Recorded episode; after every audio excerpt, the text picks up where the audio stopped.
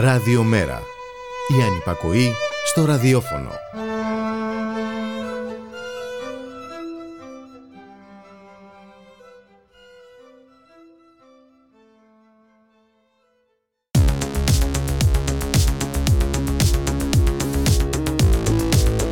Γεια σας. Άλλο ένα παραλαφούτσι ξεκινάει με την Πάολα Ρεβενιώτη, στην αρχισυνταξία ο Τάκης Κουρκουρίκης και στον ήχο η Χαρά Στόκα. To the World Health Organization. It's a medical song and it concerns a disease whose classification according to the International Classification of Diseases is 302.0.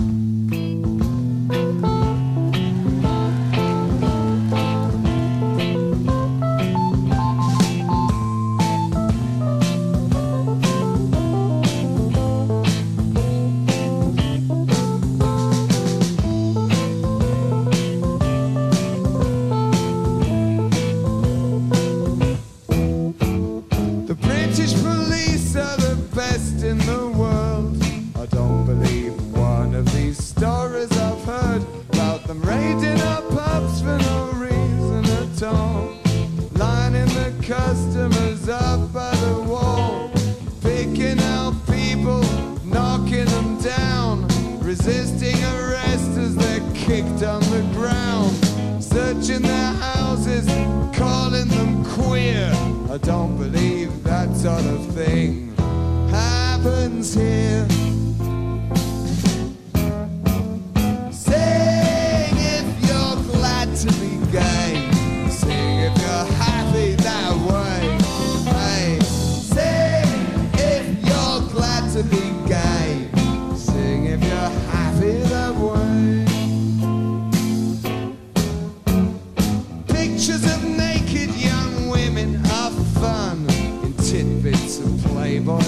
Three of the Sun. There's no nudes in gay news or one magazine, but they still found excuses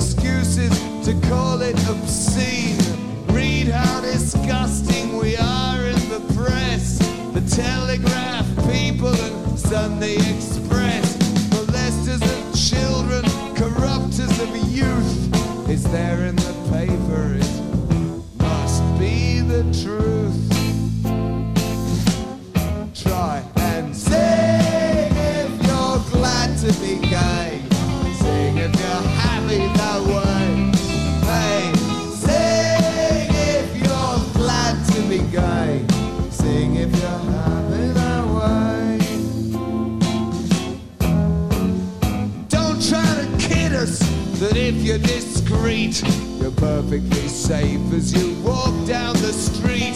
You don't have to mince or make bitchy remarks to get beaten unconscious and left in the dark. I had a friend who was gentle and short. He was lonely one evening, he went for a walk. Queer bashers caught him, kicked in his teeth. Was only hospitalized and he still bears the scars. Sing if you're glad to be gay. Sing if you're happy that way. Hey, sing if you're glad to be gay. Sing if you're happy that way. and sit back and watch as they close down our clubs, arrest us for meeting and raid all our pubs. Make sure your boyfriend's at least 21, so only your friends and your brothers get done. Lie to your workmates, lie to your folks. Put down the Queen's tell anti-queer jokes. Gay lives ridiculous, join their laughter. The buggers are legal now. What more are they after?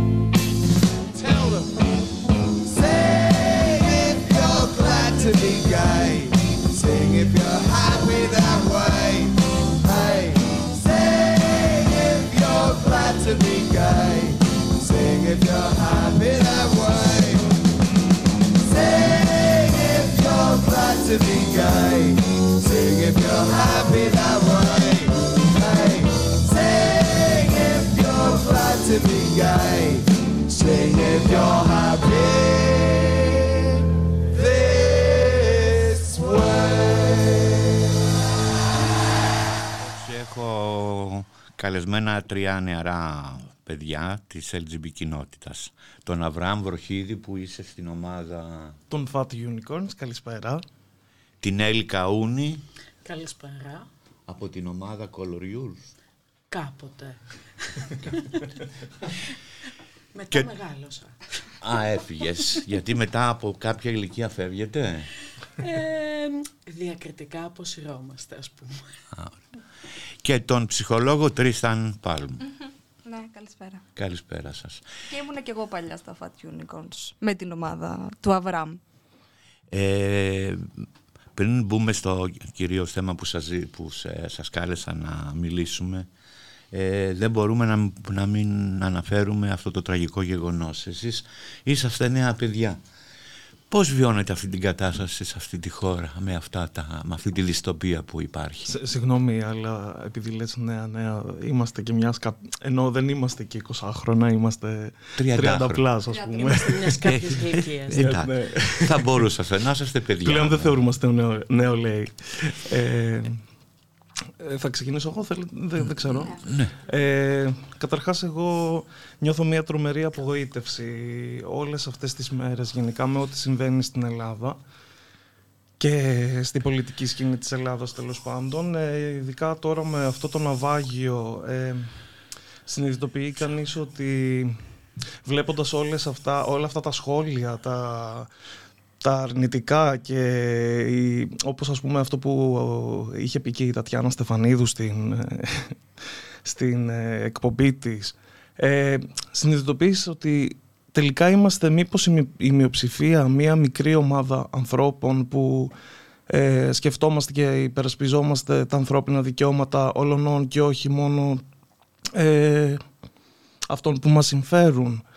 Ε, και δεν ξέρω, ε, νομίζω ότι εγώ συνέχεια απογοητεύομαι κάθε μέρα όλο και περισσότερο με ό,τι συμβαίνει και δεν υπάρχει καμία, ε, και- καμία ελπίδα, καμία ε, χαρά σε αυτή τη χώρα πλέον. Δηλαδή μόνο ακούμε για τέτοια περιστατικά και δολοφονίες ε, κρατικές. Εμένα με πονάει το πόσο βλέπω να, να γίνεται όλο και πιο πολλωμένο το κλίμα.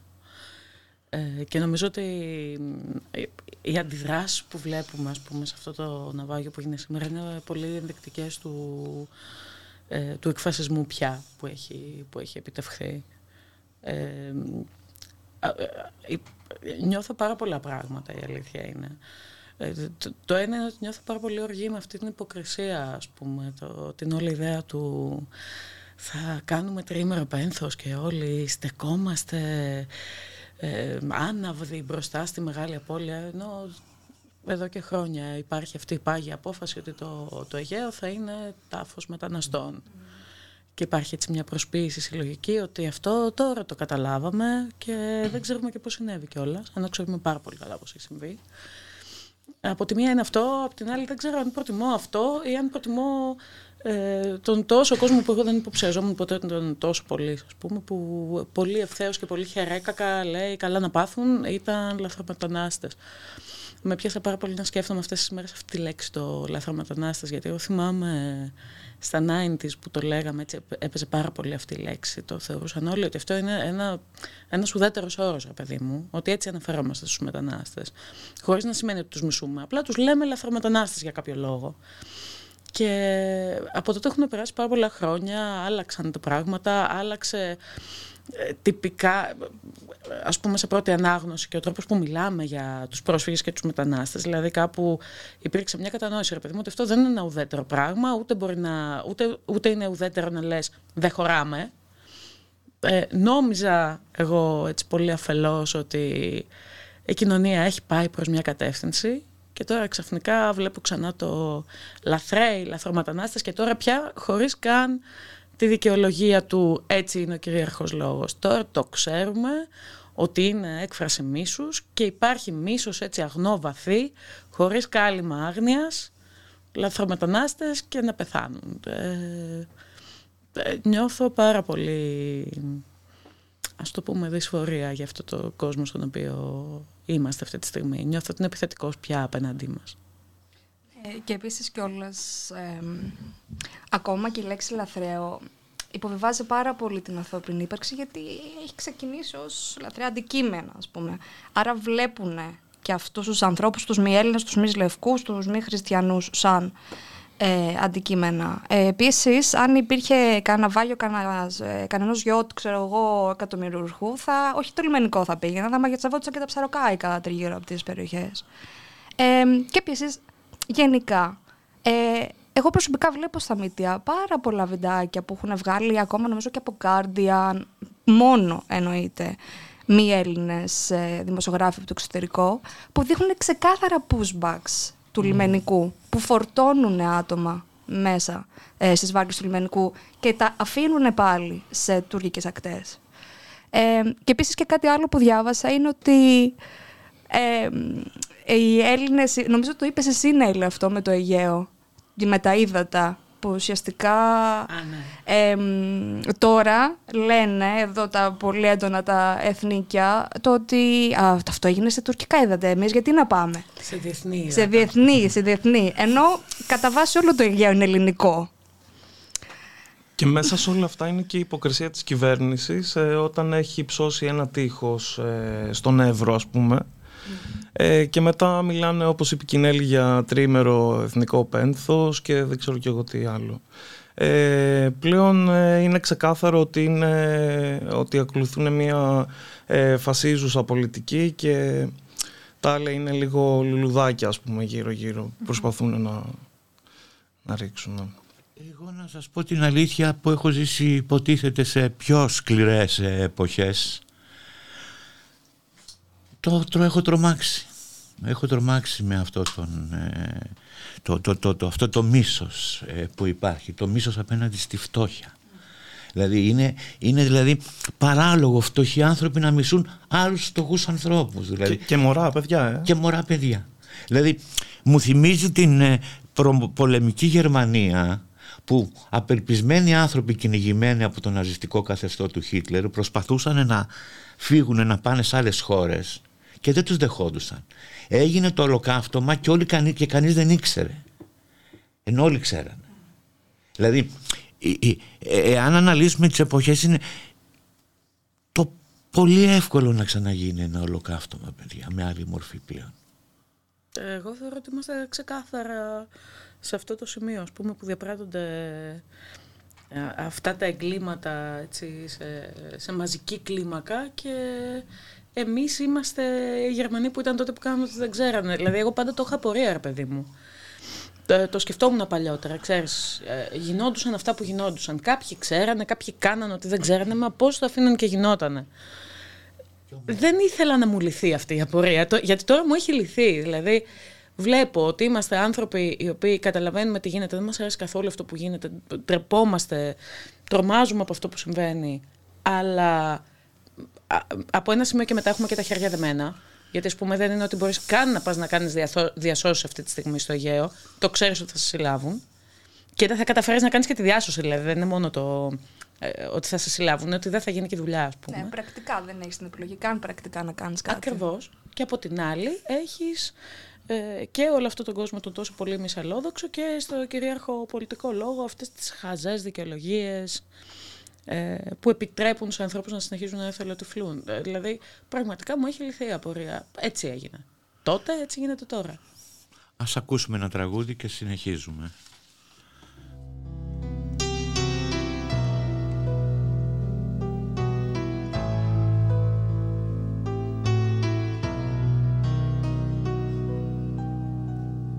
My mom and I, we live alone. A great apartment is our home. In Fairholme Towers. I have to keep me company two cats, a dog, a parakeet, some plants and flowers. I help my mother do the chores. I wash, she dries, I do the floors. We work together. I shop and cook and sew a bit. Though mom does too, I must admit, I do it better. At night I work in a strange bar, impersonating every star. I'm quite deceiving. The customers come in with doubt and wonder what I'm all about. But leave do a very special show where I am nude from head to toe after strip teasing. Each night the men look so surprised. I change my sex before their eyes. Tell me if you can, what makes a man a man? At three o'clock or so I meet friends to have a bite to eat and conversation. We love to empty out our hearts on every subject from the arts to liberation. We love to pull apart someone who spread some gossip just for fun or start a rumor. Let our hair down, so to speak, and mark ourselves with tongue in cheek and inside humor. So many times we have to pay for having fun and being gay. It's not amusing. There's always those who spoil our games by finding fault and calling names. Always accusing. They draw attention to themselves at the expense of someone else. It's so confusing. Yet they make fun of how I walk and imitate the way I talk.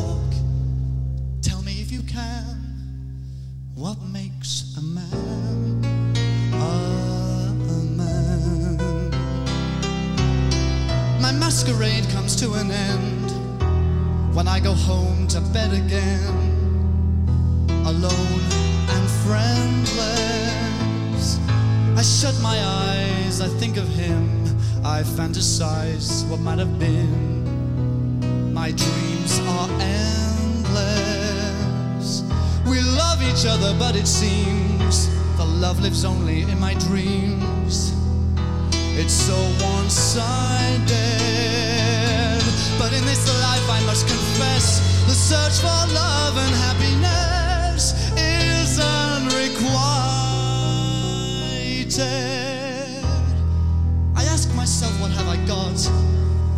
I am and what I'm not. What am I giving? Then answers come from those who make the rules that some of us must break just to keep living. I know my life is not a crime, I'm just a victim of my time. I stand defenseless. Nobody has the right to be the judge of what is right for me. Tell me if you can, what makes a man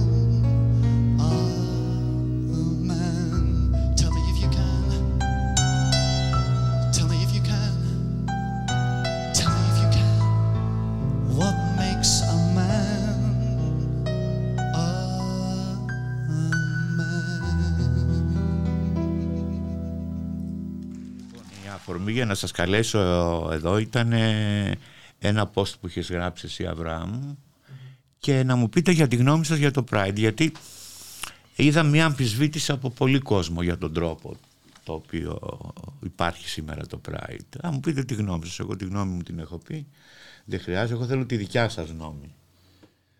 Η αμφισβήτηση που λες υπήρξε να σημειώσουμε περισσότερο φέτος. Στο, για το φετινό Pride συγκεκριμένα. Ενώ υπάρχουν πολλές ε, αμφισβητήσεις γενικότερα ε, όλα αυτά τα χρόνια, αλλά φέτος υπήρξαν πολλές αντιδράσεις.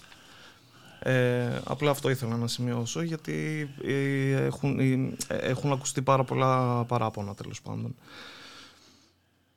Εντάξει, κοινοτικά ας πούμε, ε, κριτική στο Pride, δηλαδή αυτό το Pride που έχουμε, παιδί μου, τα τελευταία, πόσο είναι, 10-15 χρόνια είναι; Τόσο, τόσο, ναι. ναι ε, υπάρχει κατά κόρον, απλά δεν άγγιζε ποτέ ιδιαίτερα το, το ευρύ κοινό. Αλλά είναι πολύ ενδιαφέρον ότι και η κριτική που υπήρχε παλιότερα και η κριτική που έγινε τώρα από, και από το ευρύ κοινό πια είναι στην ίδια κατεύθυνση. Δηλαδή αυτό το κατά πόσο ρε παιδί μου ως επιλογή το να, το να έχει έτσι έναν κάπως πιο εμπορικό χαρακτήρα το Pride, να υπάρχουν πιο πολλοί χορηγοί, να είναι λίγο πιο mainstream, να, μην είναι, να είναι κάπως στρογγυλεμένες οι άκρες ρε παιδί μου στον πολιτικό λόγο. Αυτό ήταν πάντα κάτι που συζητιόταν. Απλά φέτος νομίζω ότι φάνηκε πολύ το προς τα που μπορεί να σε πάει αυτή η κατεύθυνση, γιατί φέτος είμαστε σε μια κατάσταση όπου πράγματι υπάρχουν πολύ περισσότεροι πρόθυμοι για να είναι χορηγοί. Ας πούμε το, το 2-10, το 2-11 και να, το, και να ήθελες να το κάνεις αυτό, να έχεις 15 χορηγούς. Πάρα, πολύ, πάρα πολλές εταιρείες δεν, δεν θέλανε καθόλου να σχετίζονται με τα, με τα LGBT πράγματα, δεν πουλάγε τότε. Τώρα πουλάει. Οπότε τώρα φαίνεται όλο του το potential, πώς μπορεί να, να είναι τέλος πάντων ένα τέτοιο pride. Και και ότι ρε παιδί μου αν είσαι διατεθειμένος να παραχωρήσεις πάρα πολύ από το χώρο που μπορεί να, να, θεωρεί, να θεωρούν άλλοι άνθρωποι ξέρω, ότι θα πρέπει να ανήκει σε οργανώσεις ή ότι θα πρέπει να ανήκει σε πιο πολιτικά πράγματα. Αν εσύ προτίθεσαι να τον παραχωρήσεις ε, ας πούμε στη Vodafone ή στα Lidl ή σε οτιδήποτε, ε, η εικόνα τελική θα είναι αυτή. Και τώρα που έγινε πιο σαφές, η εικόνα αυτή δεν αρέσει ακόμη και σε ανθρώπους που μπορεί να μην ήταν τόσο συνειδητοποιημένοι ιδεολογικά τις προηγούμενες χρονιές. Αυτό νομίζω ότι έχει συμβεί εδώ. Απλά φέτος έβγαζε μάτι νομίζω το ότι υπήρχαν τόσοι. Δεν είναι το θέμα ότι υπήρχαν οι χορηγοί. Οι χορηγοί υπήρχαν και τα προηγούμενα χρόνια.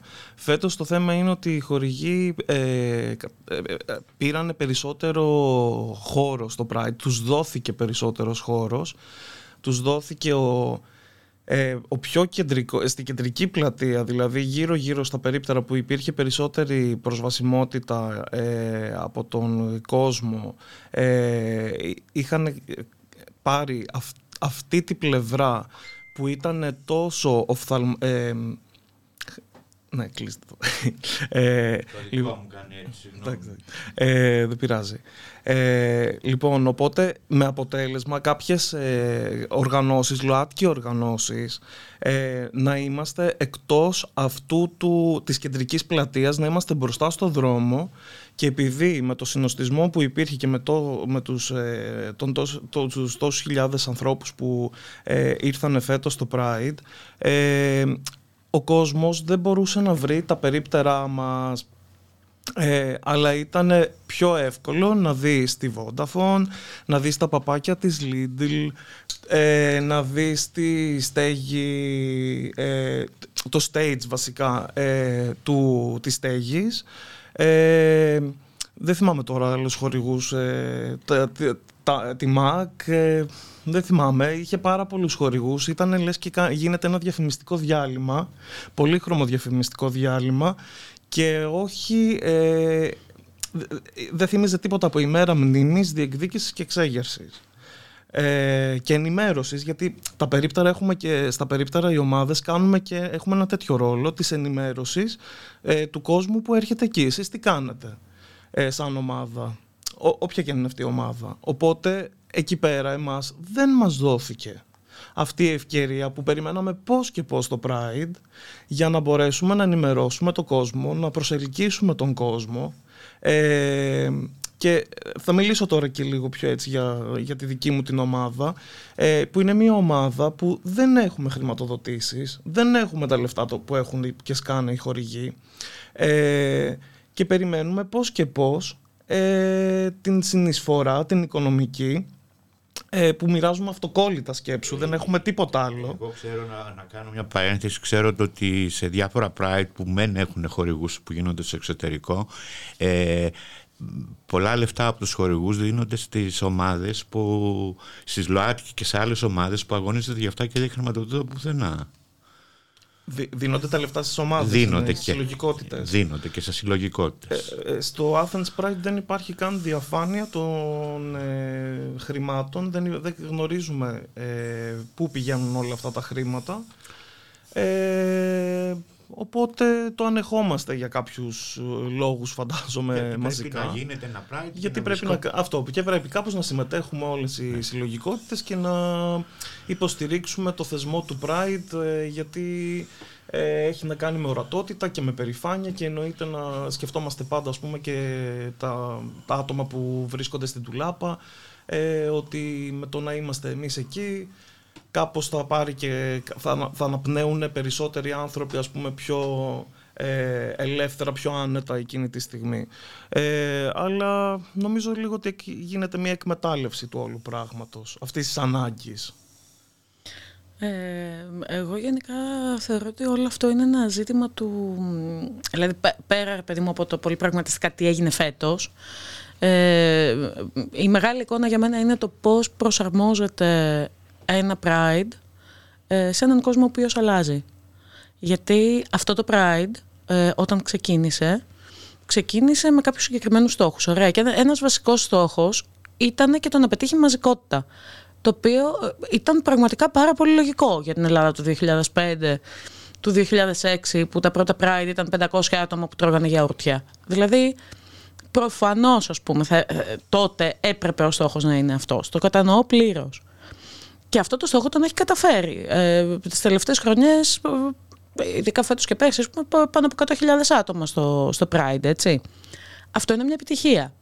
Σίγουρα. Κανείς δεν το μπορεί να Δεν μπορεί να αμφισβητήσει αυτό κανείς. Και, και, και, είναι και θετικό κιόλας. Φυσικά. Και, και όταν είμαστε και, και σε έναν κόσμο ο οποίος το είπαμε και πιο πριν, τόσο πολλωμένος ό,τι αφορά τα ανθρωπίνα δικαιώματα, είναι ένα πάρα πολύ σοβαρό statement, ρε παιδί μου, το να κατέβει τόσος κόσμος και να πει εγώ στέκομαι με τα δικαιώματα. Ακόμη και αν το πει δίπλα σε rainbow μπιφτέκια, ας πούμε, και σε, ε, και σε άρματα της ΜΑΚ. Δεν, δεν πειράζει. Είναι ένα statement που χρειάζεται. Αλλά όταν έχεις φτάσει στο σημείο που έχεις 100-150 άτομα, όπου πια έχει γίνει και κάπως trendy, ας πούμε, από τις μεγάλες εταιρείες ότι ας κάνουμε λίγο rainbow τα λογότυπά μας, ε, να το παίξουμε σύμμαχοι. Ε, όταν έχεις φτάσει στο σημείο που ακόμη και ας πούμε στην Δημοκρατία, έτσι, ένα κόμμα τώρα που, συγγνώμη, αλλά ε, έχουμε, έχουμε δείγματα για το πώς στέκεται στα ανθρώπινα δικαιώματα. Και όμως ακόμη και η Νέα Δημοκρατία θα σου πει, έχω κι εγώ έναν γκέι υφυπουργό.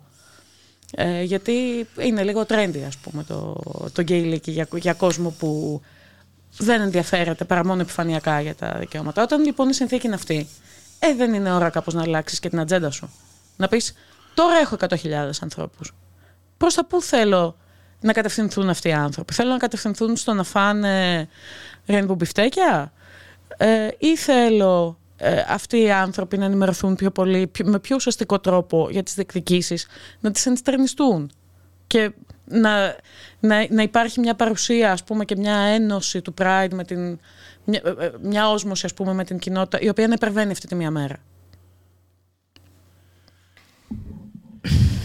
Εντάξει, εγώ εμένα δεν μου κάθεται πολύ ok, okay, ρε παιδί μου, το ότι κατεβαίνουν πιτσιρικάκια και τους κολλάνε αυτοκόλλητα με το ζόρι, τους δίνουν rainbow σημάκια με το ΠΑΣΟΚ πάνω, πάλι με το ζόρι, free lipstick, αλλά δεν μπορούν να βρουν το ναυράμ, δεν μπορούν να βρουν το ΣΥΔ, δεν μπορούν να βρουν το δες, δεν μπορούν να βρουν βασικές, βασικότατες οργανώσεις ε, και απλά τους τραβάνε από τα περίπτερα, τους δίνουν πραγματάκια, τζάμπα ποτάκια, τζάμπα πυρίτσες, τζάμπα κραγιονάκια. Νομίζω ότι ε, κάπως τραβάς τελείως ε, την προσοχή, ειδικά από τα μικρά άτομα που τώρα φτιάχνουν και την πολιτική τους ε, κουλτούρα, ξέρω εγώ. Επίσης ήθελα να σε ρωτήσω, Αβράμ, επειδή είδα την ΕΡΤ, ήρθε καθόλου προς εσάς; Όχι, εγώ δεν είχα ιδέα ότι η ΕΡΤ ήρθε.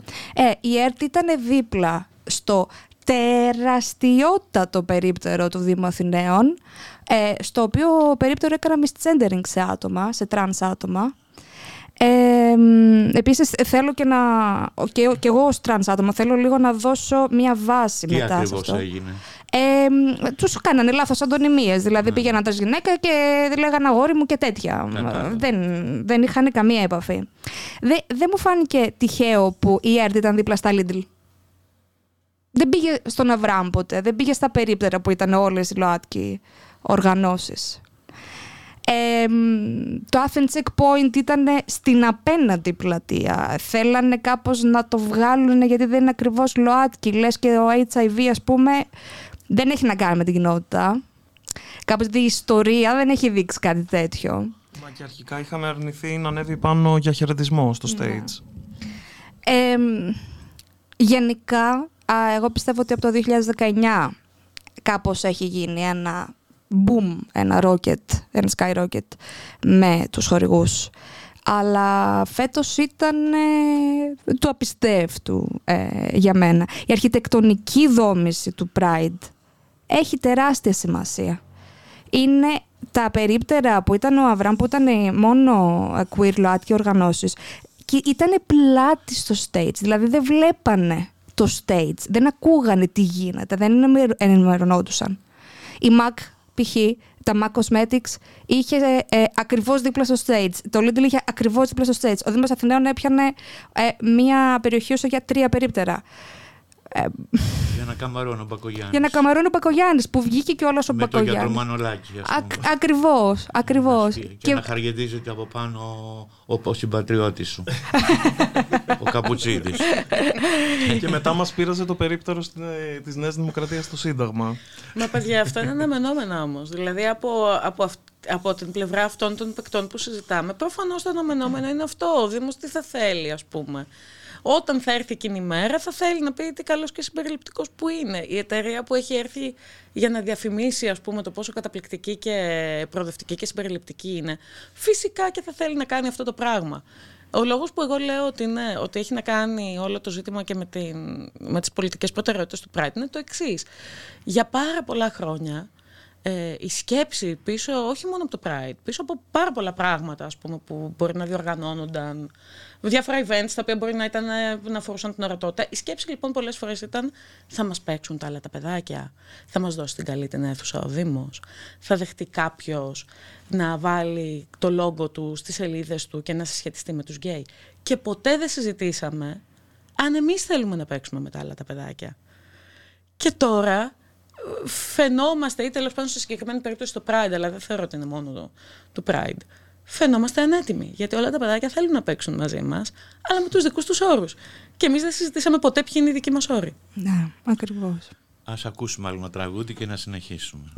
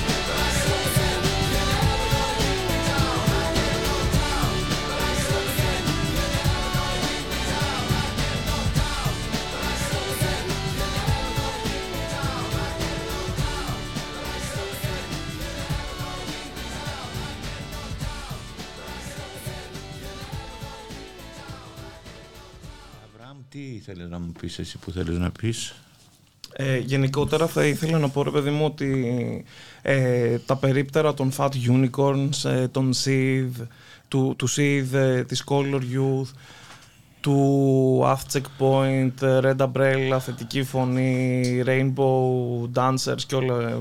νομίζω ήταν και άλλα που δεν θυμάμαι το ίσως. Checkpoint νομίζω είναι που ήταν δίπλα στην Color. Ναι, ναι, ναι, θετική, ναι, ναι, ναι. είπα θετική φωνή, Aft Checkpoint, ναι, ναι, ναι, Red Umbrella, όλα μαζί αυτά Απλά επειδή έχει δύο-τρία, δηλαδή τα, τα βάζει χωριστά ας πούμε το έργο. Ναι, το... Ε, δεν είχαμε καθόλου, μα καθόλου το ανέφερε πριν ο Τρίσταν, ορατότητα στο stage, ήμασταν πλάτη στο stage, βλέπαμε απλά ε, τα περίπτερα από την πλευρά που ήταν η Color και η θετική φωνή βλέπανε το, ε, το δημαρχείο. Εμείς ήμασταν ακόμη πιο κάτω, δηλαδή ήμασταν εκεί που ο κόσμος δεν μας έβλεπε, δεν μπορούσε να έρθει. Όταν είχε δηλαδή λίγο κόσμο μπροστά μας δεν μας έβλεπε και πολύ έβλεπα πάρα πολλούς ας πούμε ανθρώπους στο facebook που είχαν κατέβει στο Pride και έλεγα ρε παιδιά τι φάση ξέρω εγώ γιατί δεν σας είδα φέτος ήταν το πρώτο Pride που δεν είδα γνωστούς μου πολλούς και μου είπαν όλοι σε ψάχναμε, σε... όλοι. Μου είπαν πάρα πολλά άτομα τέλος πάντων ότι σε ψάχναμε γενικά, ψάχναμε το, το περίπτερο των Fat Unicorns και ήμασταν στην... Ε, ε, είχαμε, εγώ νιώθω ότι δέχτηκα έναν αποκλεισμό προσωπικά σαν ΛΟΑΤΚΙ άτομο και μετά σαν ε, ομάδα και μας βγάλανε στην απέξω ε, και έχω μια ερώτηση που θα ήθελα κάποια στιγμή να απαντηθεί από το Pride. Για ποιο λόγο δεν βγαίνουν έξω από τη στιγμή που είναι μέσα στην, ε, στα περίπτερα, έχουν περίπτερα όλα αυτά τα κόμματα και όλα αυτά τα, όλοι αυτοί οι χορηγοί, όλες αυτές οι εταιρείες, για ποιο λόγο δεν ήταν εκτός, μπροστά, εκεί που ήμασταν ε, αυτά τα περίπτερα που προανέφερα, ε, γιατί δεν ήταν εκεί μπροστά οι χορηγοί, έτσι ώστε άμα φέρουμε και περισσότερο κόσμο που εντάξει δεν είναι βέβαια αυτός ο στόχος μας φαντάζομαι ή κάζω ε, θα μπορούσε να τραβήξει και άλλο κόσμο ας πούμε περαστικούς και να πούνε α, εδώ είναι τα μάκα ας πούμε κάτσε να πάρω και ένα lip gloss δεν ξέρω, συγγνώμη, δεν ξέρω τι έχει ένα κραγιονάκι ένα κραγιονάκι ρε παιδί μου και ε, α, τα δίνανε δωρεάν. Α, γιατί δεν ήξερα να πάρω. Ε, και, ε, δεν είδα ούτε εγώ, Παύλα, να σου πω την αλήθεια και εμένα θα μου άρεσε ένα μοβ, ε, σκούρο μοβ αν είχε. Αλλά δεν, ε, ε, δεν έδωσα σημασία να πω την αλήθεια στους χορηγούς. Ήθελα να πάω να γνωριστώ με τις συλλογικότητες της ΛΟΑΤΚΙ, όπως πάντα κάνω, και να δω τα παιδιά, να δω γνωστούς μου και τέτοια. Δεν είδα πολλούς γνωστούς φέτος και ε, συνεχίζω αυτό το ερώτημα, γιατί δεν βγήκανε προς τα έξω, γιατί δεν βάλανε, έπιασε πάρα πολύ μεγάλο χώρο το stage της στέγης, γιατί δεν το βγάλανε μπροστά στο δρόμο να τραβάει και τον κόσμο, να βγαίνει και φωτογραφίες και να φεύγει αν δεν ενδιαφέρεται για το υπόλοιπο Pride. Υπάρχουμε και εμείς που ενδιαφερόμαστε να, να, να υποστηρίξουμε και να δούμε τα άτομα με τα οποία κατεβαίνουμε συνέχεια παντού ε, στο χώρο των διεκδικήσεων. Ε, και αυτό φέτος δεν μας δόθηκε. Δεν μας δόθηκε αυτή η ευκαιρία φέτος. Ε, αποκλειστήκαμε. Εγώ αλήθεια το λέω, αποκλειστήκαμε. Δεν ήμασταν μέσα. Εγώ δεν θεωρώ ότι τα Fat Unicorns φέτος ήταν στο Athens Pride. Η πορεία είχε και κάποια παρατράγουδα. Δεν υπήρχε ασφάλεια, έμαθα. Γίνανε και διάφορες επιθέσεις. Ε... Ε, εγώ από αυτά κιόλας έχω δει και κάποια πράγματα στο ίντερνετ σε φωτογραφίες, αλλά και από αυτά που είδα ε, από πρώτο χέρι, γιατί ήμουνα μέσα στην. Ε... Μίλαγε και για την αμηχανία των νέων παιδιών. Ναι, υπήρχε, υπήρχε πάρα πολύ αμηχανία. Ε, για αρχή είδα πολλά νέα παιδιά, αλλά τα είδα πάρα πολύ χαωμένα, να μην ξέρουν πού να φοκουσάρουν. Ψάχνανε όντως. Γενικά ένιωθα μια βολία στον κόσμο. Δεν ξέρω, μπορεί να είναι και προβολή δικιά μου, γιατί ένιωθα αρκετά άβολα μέσα σε όλο αυτό το pink washing rainbow πανηγύρι που γινότανε. Αλλά και τα παιδιά τα μικρά τα έβλεπα χαμένα. Γενικά ήταν ένα χάος. Δεν ξέρω αν έφταιγε και η αρχιτεκτονική και η κοντζιά, γιατί καλώς κακώς δεν χωράγαμε. Ε, επίσης έγινε μια πάρα πάρα πολύ κακή ε, συνεννόηση. Δεν ξέρω για ποιο λόγο ακριβώς άργησε να ξεκινήσει ε, η πορεία. Είχαν βάλει όλες τις ταλίκες με τη Mac, με τη Google, με τα, τη Vodafone, όλους όλους τους χορηγούς μπροστά. Με αποτέλεσμα τα άτομα να μην μπορούν να κατέβουν στον δρόμο. Ε, Αυτά τα λεφτά που πάνε, βρε παιδιά. Οι χορηγοί δίνουν λεφτά που πάνε. Ε, ε, εντάξει. Ε, ναι. Αφού βγάζουν κάθε χρόνο. Τι, τι γίνονται αυτά τα λεφτά; Ε, και, λεφτά. και δουλεύουν και εθελοντικά κιόλας μερικοί. Καλά, Οι εντάξει, αλήθεια είναι ότι περισσότεροι. δεν θεματίστηκε Όλοι. ποτέ τι, τι ακριβώς χορηγεί ο καθένας από αυτούς. Δηλαδή, πώς να σου πω, μπορεί, μπορεί ο καθένας να κάνει από εμάς όποια εικασία θέλει. Ε, Για μένα από ένα σημείο και μετά, πώς να σου πω. Είναι μια οργάνωση. Το Pride έχει τα δικά του τα οικονομικά. Α κάνει ό,τι νομίζει τέλος πάντων με αυτά. Ε, ε, αν η ίδια η διοργάνωση είναι ok, από ένα σημείο και μετά, ε, πώς να πω, δε- δεν πρόκειται να πάω εγώ ας πούμε, να τακτοποιήσω τα, τα οικονομικά τους. Καλά, αν ήταν όλο ok, δεν θα μας αφορούσε και τόσο. Κάπου- Η αλήθεια είναι. ναι, ρε παιδί μου, προφανώς. Αλλά θέλω να πω από όλα τα πράγματα, το να πάω εγώ να δω τα λογιστικά βιβλία του Pride είναι αυτό το οποίο με ενδιαφέρει και ίσως και λιγότερο. Το ότι έφυγε εξαιτίας Νέας Δημοκρατίας από το Σύνταγμα δεν είναι μια ταπεινωτικό αυτό να. Ποιος, ποιος θέλει να μιλήσει; Ας, που- Ωραία. ας πούμε, ρε παιδί μου, ε, εμένα, για μένα εκεί πέρα φαίνεται λιγάκι έλλειψη ετοιμότητας, ας πούμε, και έλλειψη συνεννόησης σε σχέση με το πώς βλέπουμε κάποια πράγματα πολιτικά. Ε, εγώ αυτό που καταλαβαίνω είναι ότι και με το χαρακτήρα που έχει το Pride έχει ένα ταβάνι, ρε παιδί μου, στο πόσα πράγματα μπορεί να πει και στο πώς μπορεί να τα πει. Ε, δηλαδή θέλω να πω, είναι μια οργάνωση η οποία λειτουργεί με την άδεια του Δήμου το, την, την πορεία αυτή που κάνει. Δεν μπορεί να πει εγώ φέτος δεν θα πάρω την άδεια του Δήμου, θα κατεβάσω 100.000 άτομα έτσι. Οπότε ένα επίπεδο συνεργασίας χρειάζεται. Ε, λογικό είναι λοιπόν σε αυτό το, με αυτό το δεδομένο ότι δεν πρόκειται ποτέ να βγει να πει κάτι πάρα πολύ συγκρουσιακό και αυτό το κατανοώ εγώ να πω την αλήθεια. Με καλύπτει ως άτομο ιδεολογικά, όχι.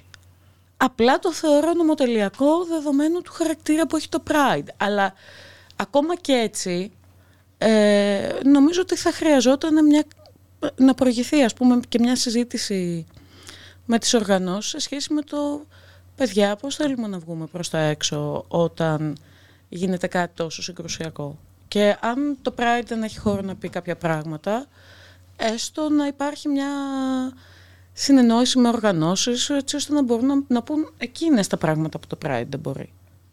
Ε, δηλαδή εγώ είδα μια συνολική αδράνεια ρε παιδί μου εδώ πέρα η οποία πιθανότατα έχει να κάνει και με μηχανία. Δηλαδή εγώ δεν, δεν θεωρώ ότι το Athens Pride σκέφτηκε αχ τι ωραία μας διώχνουν από την πλατεία ας μην το κάνουμε θέμα ούτε πιστεύω ότι οι οργανώσεις ήταν χαρούμενες με αυτό που έγινε. Αλλά ε, παρόλα αυτά ας πούμε η, η εικόνα προς τα έξω ήταν μια εικόνα αμηχανίας. είναι και λίγο να ε, πω κι εγώ κάτι. Δεν είναι και λίγο ξεπερασμένο να πω και δεν ξέρω αν γίνομαι κακιά. Ε, δεν είναι και λίγο ξεπερασμένο να βλέπουμε την Ελένη Τσαλίγοπούλου και την Πέση Αργυράκη ε, στο ψυχαγωγικό κομμάτι ας πούμε θα μπορούσαν να φέρουν έναν ε, πολύ καλό DJ να παίξει καταπληκτική μουσική να διασκεδάσει ο κόσμος να κάνει και να δείξει ας πούμε Τέλος πάντων, συνεχίστε εγώ μια σκέψη έκανα Εντάξει, θα μπορούσε συνεχίστε. να είχε πάει καλύτερα, ρε παιδί μου, το ψυχολογικό κομμάτι, αλλά, αλλά είναι και στο κομμάτι του δεν τους κλείνω εγώ τους καλλιτέχνες, αυτούς κλείσανε, τι να κάνουμε τώρα. Δηλαδή είναι αυτό το, το mood Και, από πάλι, μένα. και πάλι γιατί να κλείσεις καν μεγάλο ονόματα. Υπάρχουν τόσα κουιράκια, τόσο καλές μπάντες, τόσο καλοί DJs, πολύ ε, καλοί καλλιτέχνες. Ενώ τι να φέρνεις την Τζαλιγοπούλου επειδή είναι ένα μεγάλο όνομα. Τι να το κάνω. Θέλω να κάνεις πρόμο queer καλλιτεχνάκια. Υπάρχουν τόσο ωραίες μπάντες. Εγώ όταν είχα κάνει ένα Pride, θυμάμαι ένα από τα Pride είχε γίνει στο πεδίο του Άρος και είχε πάρα πολύ κόσμο. Ήταν η Στερεονόβα που είχαν παίξει. Άλλες εποχές. Μακάρι να τις είχαμε προλάβει αυτές τις εποχές, Παόλα. Κρί- ε, κρίμα. Εγώ ήθελα να πω ένα πράγμα, με συγχωρείς.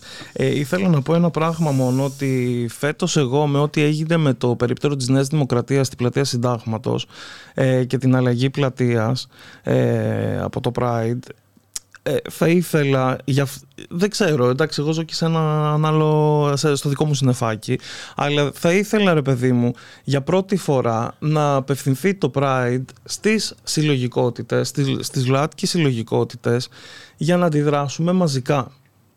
Θα μου άρεσε να δω ένα τέτοιο Pride φέτος.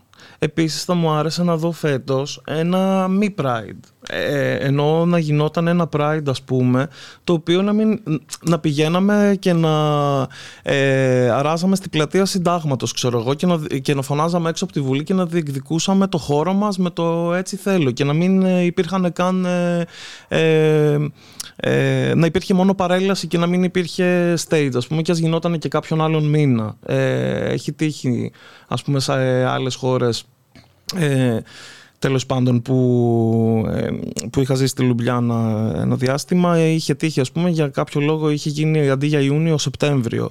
Δεν τρέχει και κάτι, δεν χάνουμε κάτι με το να πούμε όχι εντάξει μπορούμε να περιμένουμε γιατί έχουμε κάνει έχουμε διεκδικήσει αυτό το χώρο μας έχει δοθεί ε, με το σπαθί μας και, και προσωπικά αν με ρωτάτε ας πούμε χωροταξικά η Κοτζιά ήταν ε, πολύ καλύτερα και πολλά άτομα λέγαμε ότι πόσο περισσότερο μας αρέσει ε, σαν ε, πλατεία ε, από τη πλατεία συντάγματος που δεν έχει κανένα χαρακτήρα αν με ρωτάτε. Είναι πιο συμβολικό να είσαι στο Σύνταγμα. Προφανώς είναι πιο συμβολικό, δεν το συζητώ και είναι και πιο εύκολα προσβάσιμο και σε βλέπει και πολλοί κόσμος που δεν έχει ίσως ιδέα. Ξαναλέω όμως ε, δεν ξέρω κατά πόσο θέλουμε τέτοιο κόσμο στα Pride. Ε, αυτό. Εγώ συμφωνώ πολύ με αυτά που λες Αβραάμ ότι θα ήθελες να δεις να γίνονται. Και εγώ θα ήθελα πολύ να δω ε, τέτοια πράγματα να γίνονται. Ε, εντελώς... Δεν ξέρω αν είναι εφικτό. Απλά θα ήθελα. ναι, ναι, ναι. Εντελώς πραγματιστικά θεωρώ ότι κάποια από αυτά δεν γίνονται όσο το πράγμα έχει το χαρακτήρα που έχει και δεν εννοώ μόνο ιδεολογικά. Εννοώ ότι, ας πούμε, όταν υπάρχει νομοθεσία που υπάρχει, ε, μια οργάνωση που είναι νομικό πρόσωπο, υπάρχει άνθρωπος που μπορείς να κυνηγήσεις, ε, πιθανότατα να μην μπορεί να το σηκώσει και νομικά. Δηλαδή, αυτός ο άνθρωπος να το σηκώσει οικονομικά, το τι θα του συμβεί αν χωρίς άδεια από το Δήμο κατέβουν 100.000 άτομα στο δρόμο, έτσι. Ε, οπότε, ρε παιδί μου, μπορώ να δω γιατί κάποια πράγματα μπορεί να μην γίνονται. Αλλά εμένα αυτό με οδηγεί και σε ένα συμπέρασμα άλλο, το οποίο είναι ότι ε, δεν είναι αρκετό αυτό το Pride που έχουμε, ακόμη και αν είναι άψογα διοργανωμένο, ακόμη και αν έχει άψογη συνεργασία με τις οργανώσεις, οργανικά, ρε παιδί μου, πυρηνικά σε κάποια πράγματα δεν θα είναι ποτέ αρκετό. Και εφόσον καθώς περνάνε τα χρόνια αυτό γίνεται, μετασχηματίζεται σε ένα Pride το οποίο είναι κυρίως Pride για τους allies. Ε, δηλαδή νομίζω ότι αυτός που θα νιώθει πιο καλά θα είναι ένας straight σύμμαχος ο οποίος νιώθει πάρα πολύ ωραία ότι πάει σε μια πολύχρωμη πορεία. Όχι εγώ που μου ήρθε πάνω μου, ας πούμε, η Νταλίκα, τον Μακ και σκεφτόμουν το συμβολισμό του. Ξέρεις, είσαι μια, είσαι μια μπούτση λεσβία και σε πατάει μια Νταλίκα με καλλιντικά. στο Pride. Α το νιώσουμε λίγο αυτό. Εγώ θα ήθελα λοιπόν ένα αυτοοργανωμένο Pride, ε, άλλο φτιαγμένο από και για κουίρια και δεν λέω καν οργανώσεις ή συλλογικότητες, γιατί είναι πάρα πολλοί άνθρωποι οι οποίοι δεν τους εκφράζουν οι συλλογικότητες. Φέτος δεν ταυτιστήκαμε με το Pride όπως έγινε. Πολλά άτομα. Ας ακούσουμε ένα τραγούδι και συνεχίζουμε πάλι.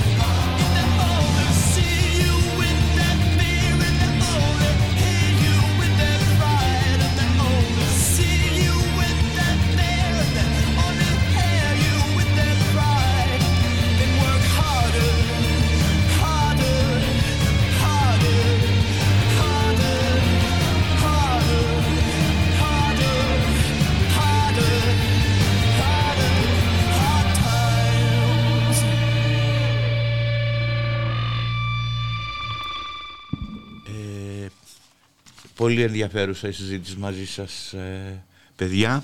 Ε, τι λέγαμε, πώς λέγεται να το τελειώσουμε τώρα; Πώς εσείς ορα, οραματίζεστε ότι πρέπει να γίνεται ένα Pride;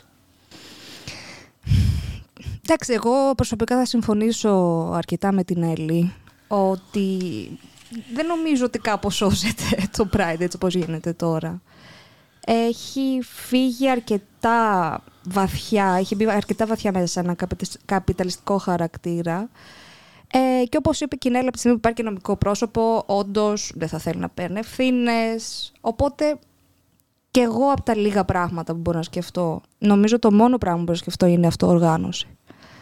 Άτομα, μια συγκεκριμένη μέρα, σε ένα ανοιχτό κάλεσμα, από τα μίντια, από στόμα σε στόμα, κατεβαίνουν κάτω. Ο καθένας αν θέλει κατεβάζει και την ε, queer ε, ομάδα του, όπως ας πούμε ο Αρβαράμ να κατεβάσει τα Fat Unicorns, κάπου να κάτσουν ή με τα πανό τους. Μόνο με ανοιχτό κάλεσμα πιστεύω ότι μπορεί να ακουστεί κάτι πιο radical. Δεν ξέρω αν έχει το potential να αλλάξει αυτό το Pride έτσι όπως είναι τώρα. Ε, εγώ οραματίζομαι ένα Pride με συνθήματα, κάτι το οποίο απουσίαζε φέτος ε, εξ ολοκλήρου, ε, με πανό όπως είπε και ο Τρίσταν, ε, με διεκδίκηση, με φωνές, χαρούμενες φωνές και ε, θυμωμένες φωνές. Ε, γιατί πάνω απ' όλα να μην ξεχνάμε ότι εντάξει οφείλουμε και στον εαυτό μας να έχουμε και ένα πάρτι, το χρειαζόμαστε το πάρτι. Ε, όσο και αν μας ενοχλεί ε, ένα πάρτι το χρειαζόμαστε για να γιορτάσουμε την περηφάνεια μας και την ορατότητά μας και όλα αυτά ε, που ένα Pride πρεσβεύει. Ε, η αλήθεια είναι ότι, επειδή το ανέφερα και πριν, Πάολα, αλήθεια θα ήθελα να δω ένα Pride σου. ε, ναι, άμα ξέρεις, άμα εσύ έκανες το πρώτο βήμα, νομίζω θα, είχες, ε, θα ακολουθούσαμε πολλά άτομα να το στήσουμε. Όχι, και να το... ευχαριστώ, να μου λείπει. Αυτά το είναι... φαντάζομαι, μωρέ, το φαντάζομαι. Απλά, εγώ είπα, με ρώτησε, μας ρώτησες τι οροματιζόμαστε. Εγώ οροματίζομαι ένα Pride από την Πάολα. Εμείς ό,τι κάναμε, κάναμε. Τώρα είναι η δικιά σας ε, ε, και των νεότερων ε, Είναι δικό σας ότι είναι να κάνετε και εγώ μαθαίνω και μέσα από εσάς, μην το ξεχνάτε. Ε, για πες μου. Εγώ γενικά διαχρονικά σκέφτομαι ότι τα πολύπλοκα πράγματα τα αντιμετωπίζεις με πολύπλοκους τρόπους. Ας πούμε, το πώς κερδίζεις δικαιώματα ή το πώς κερδίζεις ορατότητα είναι ένα πολύπλοκο πράγμα. Δεν είναι κάτι μονοσήμαντο. Οπότε γιατί να έχεις μόνο έναν τρόπο να το προσεγγίζεις; Το Pride αυτό που έχουμε είναι ένας τρόπος. Κάποια πράγματα τα κάνει καλά, κάποια άλλα πράγματα δεν μπορεί να τα κάνει. Καλά κάνει και υπάρχει. Στο δικό μου το μυαλό από κάποιο σημείο και μετά είναι ένα πάρτι, όπως λέει και ο Αβραάμ, αλλά είναι ίσως το πάρτι κάποιου άλλου. Ε, μπορούμε να φτιάξουμε και ένα δικό μας πάρτι λοιπόν. Ακριβώς. Έχουμε να πούμε και τίποτα άλλο; Για να ακούσουμε ένα τραγουδάκι και να καληνυχτήσουμε. Ας ακούσουμε ένα τραγουδάκι.